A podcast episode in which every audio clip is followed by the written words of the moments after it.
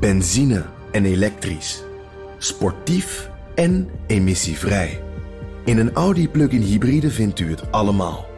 Ervaar de A6, Q5, Q7 en Q8 standaard met quattro vierwielaandrijving. Wat u ook zoekt, u vindt het in een Audi. Audi. Voorsprong door techniek.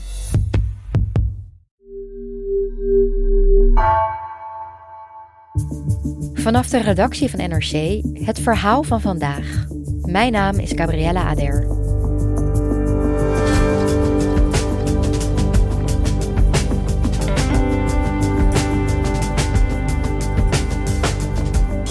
De stadions waarin Nederland straks de WK-wedstrijden speelt, hebben een grimmige voorgeschiedenis. De uitbuiting van arbeiders en slechte werkomstandigheden leiden mogelijk tot duizenden doden. Journalist Enzo van Steenbergen ziet hoe Qatar informatie over deze doden achterhoudt.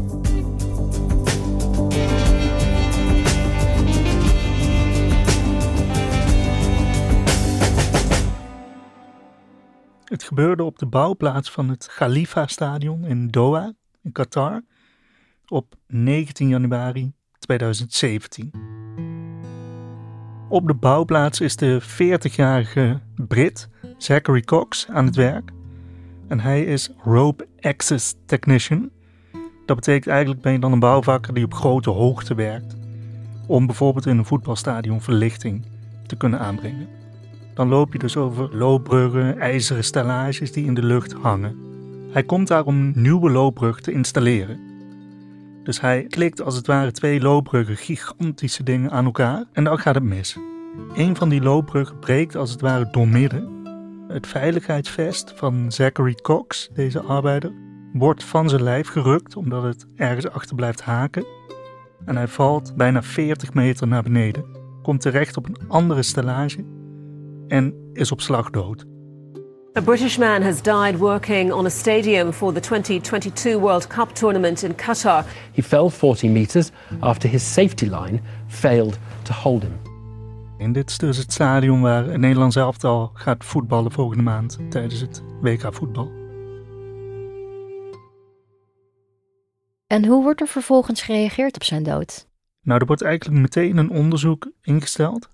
En daar zijn resultaten uitgekomen. Was het veilig? Wie heeft de schuld? Dat soort vragen worden natuurlijk gesteld. Alleen niemand weet de antwoorden. Want Qatar zorgt ervoor dat dat rapport niet naar buiten komt. En de dood van uh, Zack, zo noemt zijn familie is een van de drie gevallen die door Qatar ook worden bevestigd of toegegeven, kan je wel zeggen. The real figures are three persons passed away. Three is still three too many. Je kan je de vraag stellen of dat de werkelijkheid is. Daar kun je heel veel vragen bij stellen zelfs. En waarschijnlijk is dat niet, maar daar komen we nog op terug. Want je noemde net dus al het Khalifa-stadion. Jij en je collega Joris Kooijman hebben onderzoek gedaan naar die stadions. Niet alleen het Khalifa-stadion. En wat ontdekten jullie? Ja, we hebben dus gekeken naar de drie stadions waar het Nederlands elftal de groepswedstrijden zal spelen. En eigenlijk hebben we ontdekt dat in elk stadion een soort lugubere geschiedenis zich heeft afgespeeld. Wat bedoel je daarmee? In het Khalifa-stadion is dus Zachary Cox overleden. Het Altumama-stadion. Daar hebben we ontdekt dat er arbeiders hebben gewerkt die terug zijn gekeerd naar hun land, Nepal in dit geval, met ernstig beschadigde nieren.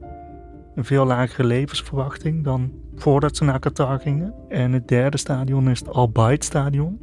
En daar hebben we achterhaald dat arbeiders maandenlang geen loon hebben gekregen en honger en dorst hebben gehad. In deze aflevering gaan we het dan vooral hebben over dat Khalifa-stadion. Wat, wat speelde daar allemaal? Wat was daar aan de hand? Ja, dat Khalifa-stadion is heel interessant omdat het voor mij ook staat voor de manier waarop Qatar omgaat met problemen. Namelijk zoveel mogelijk verborgen houden. Van er is een ongeluk, iemand overlijdt, maar wat gebeurt er daarna? Hoe werkt het rechtssysteem? Is het mogelijk om je recht te halen in Qatar? En hoe zit het eigenlijk met de dodenaantallen? Ja, en wat, wat zagen jullie daar dan? We zagen dat de familie van Zack Cox heel graag wilde dat de waarheid boven tafel kwam. En dat is op zich al interessant, want hij is dus een Brit. En hij was eigenlijk een beter betaalde arbeider. In Qatar hebben we het vaak over laagbetaalde migrantenarbeiders uit Bangladesh, Nepal, India, die relatief eenvoudige werkzaamheden doen.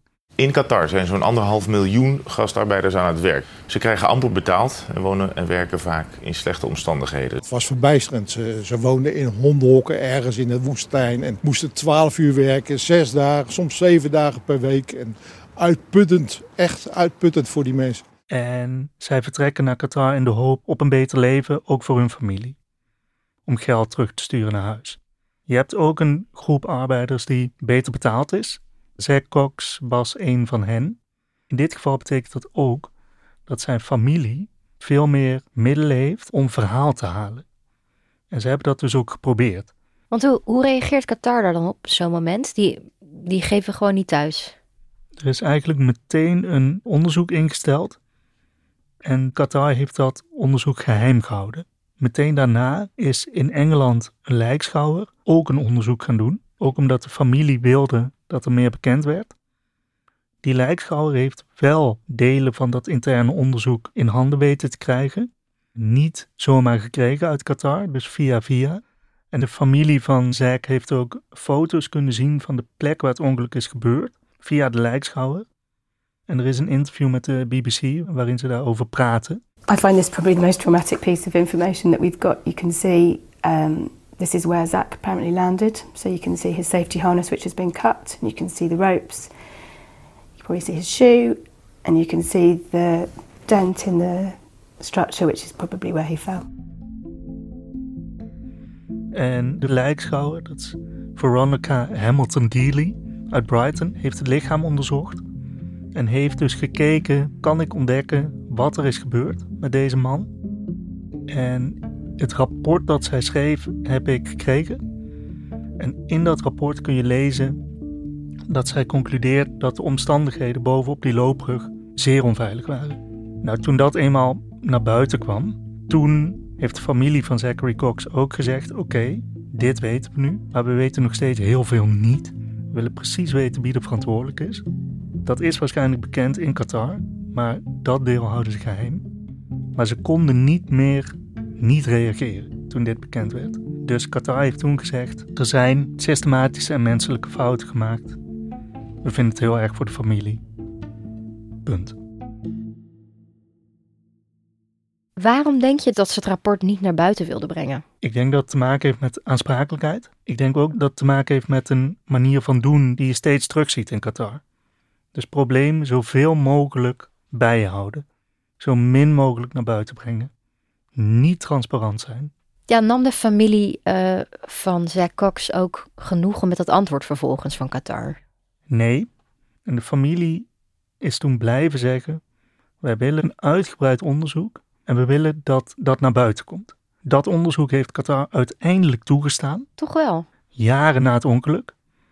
En een uh, Brits voormalig hoge rechter, Sir Robert Aikenhead, die is dat onderzoek gaan doen. Een aantal jaar geleden al. En toen ik zelf me begon te verdiepen in dit onderwerp, toen dacht ik, oh, het onderzoek bestaat gewoon. Dus ik heb hem gemaild en ik heb gevraagd, waarom is dat rapport nog niet afgerond? En toen mailde hij terug, ja, ik heb het onderzoek twee jaar geleden al afgerond, maar Qatar is de opdrachtgever en ik mag er niks over zeggen. Maar de familie mag het wel inzien, hopelijk. Ja, zij hebben het rapport gekregen, maar hun doel was transparantie. Nou, toen heb ik documenten in handen gekregen via weer andere mensen, waaruit blijkt dat de familie dusdanig onder druk is gezet door een aantal betrokken bedrijven en door de regering van Qatar, dat ze weliswaar het rapport hebben, maar het niet meer naar buiten durven te brengen. Dus het zal altijd verborgen blijven. Is er uiteindelijk iemand verantwoordelijk gehouden voor de dood van uh, Zack Cox? Nou, in eerste instantie leek daar wel op. Er was namelijk een collega van hem die letterlijk naast Zack stond.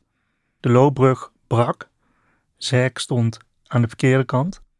En deze Graham, Graham Vance, stond aan de goede kant. Dus op de loopbrug die heel bleef. Deze man is gearresteerd, meteen na het ongeluk. En twee dagen in de cel gezet. En de uh, Qatarese autoriteiten dachten dat hij schuldig was. Al heel snel bleek dat daar niets van waar was. Deze man wilde naar huis, maar dat mocht niet. Zijn uitreisvisum is afgepakt door Qatar en hij is elf maanden lang vastgehouden in het land, zonder dat hij mocht werken. Hij had dus geen inkomsten, werk is vaak gekoppeld aan een woning, dus hij had geen huis meer. En die elf maanden hebben zijn leven totaal verwoest. En heeft Qatar toen verder nog acties ondernomen? Ja, niet echt dus. Want als je niks naar buiten brengt, dan kun je ook eigenlijk niemand aanklagen of werkelijk verantwoordelijk houden. Qatar zegt dat er vier mensen die daar hebben gewerkt hun baan hebben verloren. Maar dat is totaal niet te controleren en bovendien heel frustrerend voor de nabestaanden. It's deeply distressing. You know, we've lost a loved one, a very, very dear friend, and no one has been held responsible. There's no sense that anyone will be held accountable, and we have no confidence that the lessons will be learnt and other families won't be put in this horrific situation. Nou goed, Zack Cox zou een van de drie doden zijn die op de bouwplaats in Qatar is overleden. Nou goed, als je een beetje de media hebt gevolgd de laatste paar jaar, nou dan hoor je de meest verschrikkelijke verhalen over arbeidsmigranten, met name uit Zuid-Azië, voorbij komen. Ja, hoezo wordt het dan toch maar steeds gesproken over ehm, drie overledenen? Hoe kan dat? Ja, dat cijfer drie dat komt van de FIFA, de Wereldvoetbalbond, en van Qatar zelf. Wat zij daarmee bedoelen is, er zijn drie mensen overleden op de bouwplaats van een WK-stadion. Echt ter plekke. Ongelukken ter plekke waar, waarbij iemand is overleden. Alleen als je je ook maar een beetje verdiept in wat er in Qatar gebeurt, dan weet je dat er weliswaar veel mensen overlijden, maar niet op de bouwplaats. Mhm. Er zijn bijvoorbeeld veel mensen die s'nachts in hun slaap een hartaanval krijgen, stoppen met ademen. En dat gaat dan vaak om jonge mannen die gezond naar Qatar toe gingen, want je moet een gezondheidsverklaring inleveren. Wat artsen daarover zeggen is dat er een heel grote kans is dat heel lang werken in hele hoge temperaturen, dat je organen en je lijf daar zo door verwoest raakt van binnen, dat je een hartaanval bijvoorbeeld kunt krijgen. En dat zijn dus mensen die niet vallen onder de drie doden, maar die wel dood zijn. En het lastige is dat Qatar weigert om onderzoek te doen naar de doodsoorzaak, waardoor je nooit zeker weet wat de doodsoorzaak is. En een van die mensen bij wie dat is gebeurd is uh, Bharat uit Nepal. Hij werkt in de bouw in uh, Qatar. En mijn collega Joris Kooijman is naar Nepal gegaan en heeft daar gesproken met zijn weduwe. En er was een tolk bij hem en die vertaalt wat zij vertelt. On the night he died, about 10 p.m., we were having phone conversation and he was completely okay. I don't know what happened suddenly to him. When did when exactly did you hear that your husband had died? And I learned that he was no more after 12 13 days of the incident when the dead body was about to arrive at home. At the time, she was kind of guessing something is wrong with him because it's been 12 13 days. I haven't had phone conversation with him. She was guessing he is normal. What did you learn as to what, what actually hap had happened to him that night? What did they tell you? And nobody explained clearly what happened to him that night, but uh, I heard uh, with other friends he went for bed and he never woke up. Wat deze weduwe ook vertelde, was dat zij een overlijdensakte heeft gekregen, waarop dan staat dat er sprake was van acuut hartfalen en dat niet alleen bij haar gebeurt, namelijk heel veel nabestaanden krijgen overlijdensactes waarin dit soort formuleringen staan. Sterker nog, er staat heel vaak overleden aan een natuurlijke doodsoorzaak, wat natuurlijk nog veel minder zegt. Ja, waardoor het dus voor ons eigenlijk heel onduidelijk is, ook intransparant, hoeveel doden er echt zijn gevallen tijdens de bouw van, van die stadions. Ja, dat zullen we nooit weten en dat is dus expres, omdat het niet onderzocht wordt. Je kan dan ook niemand aansprakelijk stellen. Ja, want wat weten we dan wel over het aantal doden die er zijn gevallen? Ja, The Guardian heeft een aantal jaar geleden het cijfer 6500 arbeiders genoemd. Die zouden zijn overleden. Dat is een moeizaam cijfer. Dat gaat namelijk over arbeidsmigranten in Qatar. Die sinds 2010, toen werd het WK toegewezen aan eh, Qatar, zijn overleden. Maar het is onduidelijk of zij iets met het WK te maken hadden. Bovendien 90% van de mensen die in Qatar woont, is arbeidsmigrant. Ja, en dan blijft natuurlijk ook nog steeds het probleem dat je niet weet wat de doodsoorzaak is. Dus het kan van alles zijn. Ja, en dit is dus de schimmigheid die Qatar kenmerkt en waardoor nabestaanden en blijven zitten met heel veel vragen en nergens aanspraak op kunnen maken. Niet op een, uh, op een schadevergoeding die vaak wel in arbeidscontracten staat. Hè, mocht deze persoon overlijden in Qatar, dan komt er een soort uh, overlijdensuitkering. Nou ja, die komt dus bijna nooit. Want als je niet weet wat de doodsoorzaak is, kan iedereen zijn handen ervan aftrekken. Ja, en nu heeft de familie van Zack Cox heeft uiteindelijk een advocaat in de arm kunnen nemen. Ik kan me voorstellen dat dat voor de Zuid-Aziatische arbeidsmigranten, de nabestaanden in ieder geval, ja, een dure advocaat niet echt een optie is. Nee, je moet je voorstellen dat um, dit mensen zijn die een heel arme dorpen leven en die absoluut niet het geld hebben om ook maar te denken aan een rechtszaak. Dus mijn collega Joris, die in Nepal was, die spreekt daar ook mensen die eigenlijk gelaten zijn. Van ja, het is helemaal misgegaan, maar bijna alsof het gewoon all in the game is. Ja, en wat zegt dat eigenlijk over de macht van Qatar? Veel. Ik denk dat Qatar weet dat er heel veel mensen zijn die geld nodig hebben om hun familie te onderhouden. In Nepal zie je bijvoorbeeld dat uh, een kwart van het uh, bruto nationaal inkomen komt van mensen die in de golfregio gaan werken en geld naar huis sturen. Betekent ook dat een land als Nepal eigenlijk nauwelijks kritisch kan zijn op de werkomstandigheden in een land als Qatar. Want het geld is gewoon nodig. En die macht van Qatar en die intransparantie, die heeft mijn collega Joris Kooijman ook onderzocht. En hij heeft daar een zesdelige podcast over gemaakt. De koep van Qatar. En daarin laat hij ook zien hoe Qatar die macht gebruikt om de voetbalwereld in zijn greep te krijgen. En hebben jullie, datgene wat jullie hebben onderzocht, hebben jullie dat ook voorgelegd aan uh, de WK-organisatie? Ja, en dat is weer een voorbeeld van de intransparantie van Qatar. Je kan de WK-organisatie nog zo vaak bellen en nog zoveel mail sturen. Ze reageren eigenlijk nooit. Dus ze hebben ook hierop niet gereageerd? Nee. Over drie weken uh, speelt Nederland zijn eerste wedstrijd in Qatar, in een van die stadions. Ja, hoe moeten we daar naar kijken? Moeten we überhaupt wel kijken? Nou ja, je hebt een beweging in, in Nederland, maar die is toch niet zo heel groot geworden. Van mensen die zeggen: Ik kijk niet. Als je het bijvoorbeeld aan de Nederlandse Voetbalbond vraagt: van ja, waarom gaan we daar eigenlijk voetballen? Dan vindt iedereen, inclusief bondscoach Louis van Gaal, dat het toernooi daar nooit gehouden had mogen worden. Aan de andere kant gaat het Nederlands elftal daar gewoon voetballen. Er gaat een kabinetsdelegatie heen. Toch wel, want daar is ook nog discussie over. Ja, de Tweede Kamer wilde dat niet. En dat besluit heeft het kabinet naast zich neergelegd. Omdat ze zeggen, Qatar is een te belangrijke partner. Dat is weer die macht. Ze hebben bijvoorbeeld uh, uh, energiebronnen die voor Nederland belangrijk zijn. En we willen Qatar niet schofferen door niet te gaan. U staat eigenlijk straks te juichen op een tribune waar ja, bloed aan kleeft. Wij juichen dan voor het Nederlands elftal en niet voor de tribune.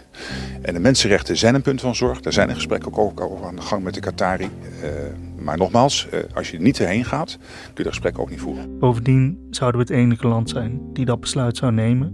Dus dat doen we niet.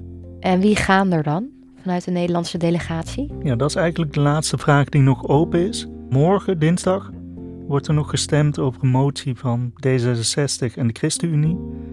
Waarin het kabinet wordt opgeroepen om een sobere delegatie te sturen. Wat houdt dat in, een sobere delegatie? De sobere delegatie zou zijn de minister van Buitenlandse Zaken, Wopke Hoekstra en een mensenrechtenambassadeur. Maar dus niet premier Rutte of koning Willem-Alexander. Daarover wordt dus nog gestemd en dat zal ook bepalen wie we straks op die tribunes zullen zien. Maar hoe dan ook wordt dat een pijnlijk beeld. Want we weten dat in alle drie die stadions levens zijn verwoest om dit toernooi mogelijk te maken. Dankjewel Enzo. Graag gedaan. Wil je meer horen over het aankomende WK in Qatar? Luister dan naar de NRC-podcast De Koep van Qatar. In deze zesdelige podcastreeks duikt sportjournalist Joris Kooijman in het subtiele machtsspel achter de populairste sport ter wereld.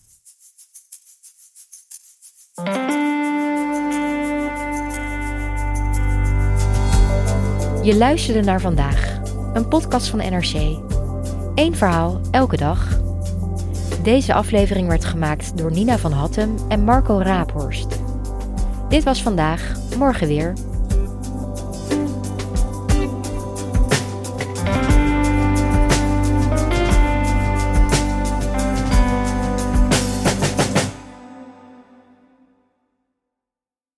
Je hebt aardig wat vermogen opgebouwd. En daar zit je dan, met je ton op de bank. Wel een beetje saai, hè? Wil jij, als belegger, onderdeel zijn van het verleden of van de toekomst? Bridgefund is een slimme fintech die een brug slaat tussen de financiële behoeften van ondernemers en van beleggers. Dus wie belegt bij Bridgefund krijgt niet alleen een mooie vaste rente, maar brengt ook ondernemers in beweging. Echt waar! Met die ton kan je zoveel betere dingen doen. Bridgefund. Make money smile.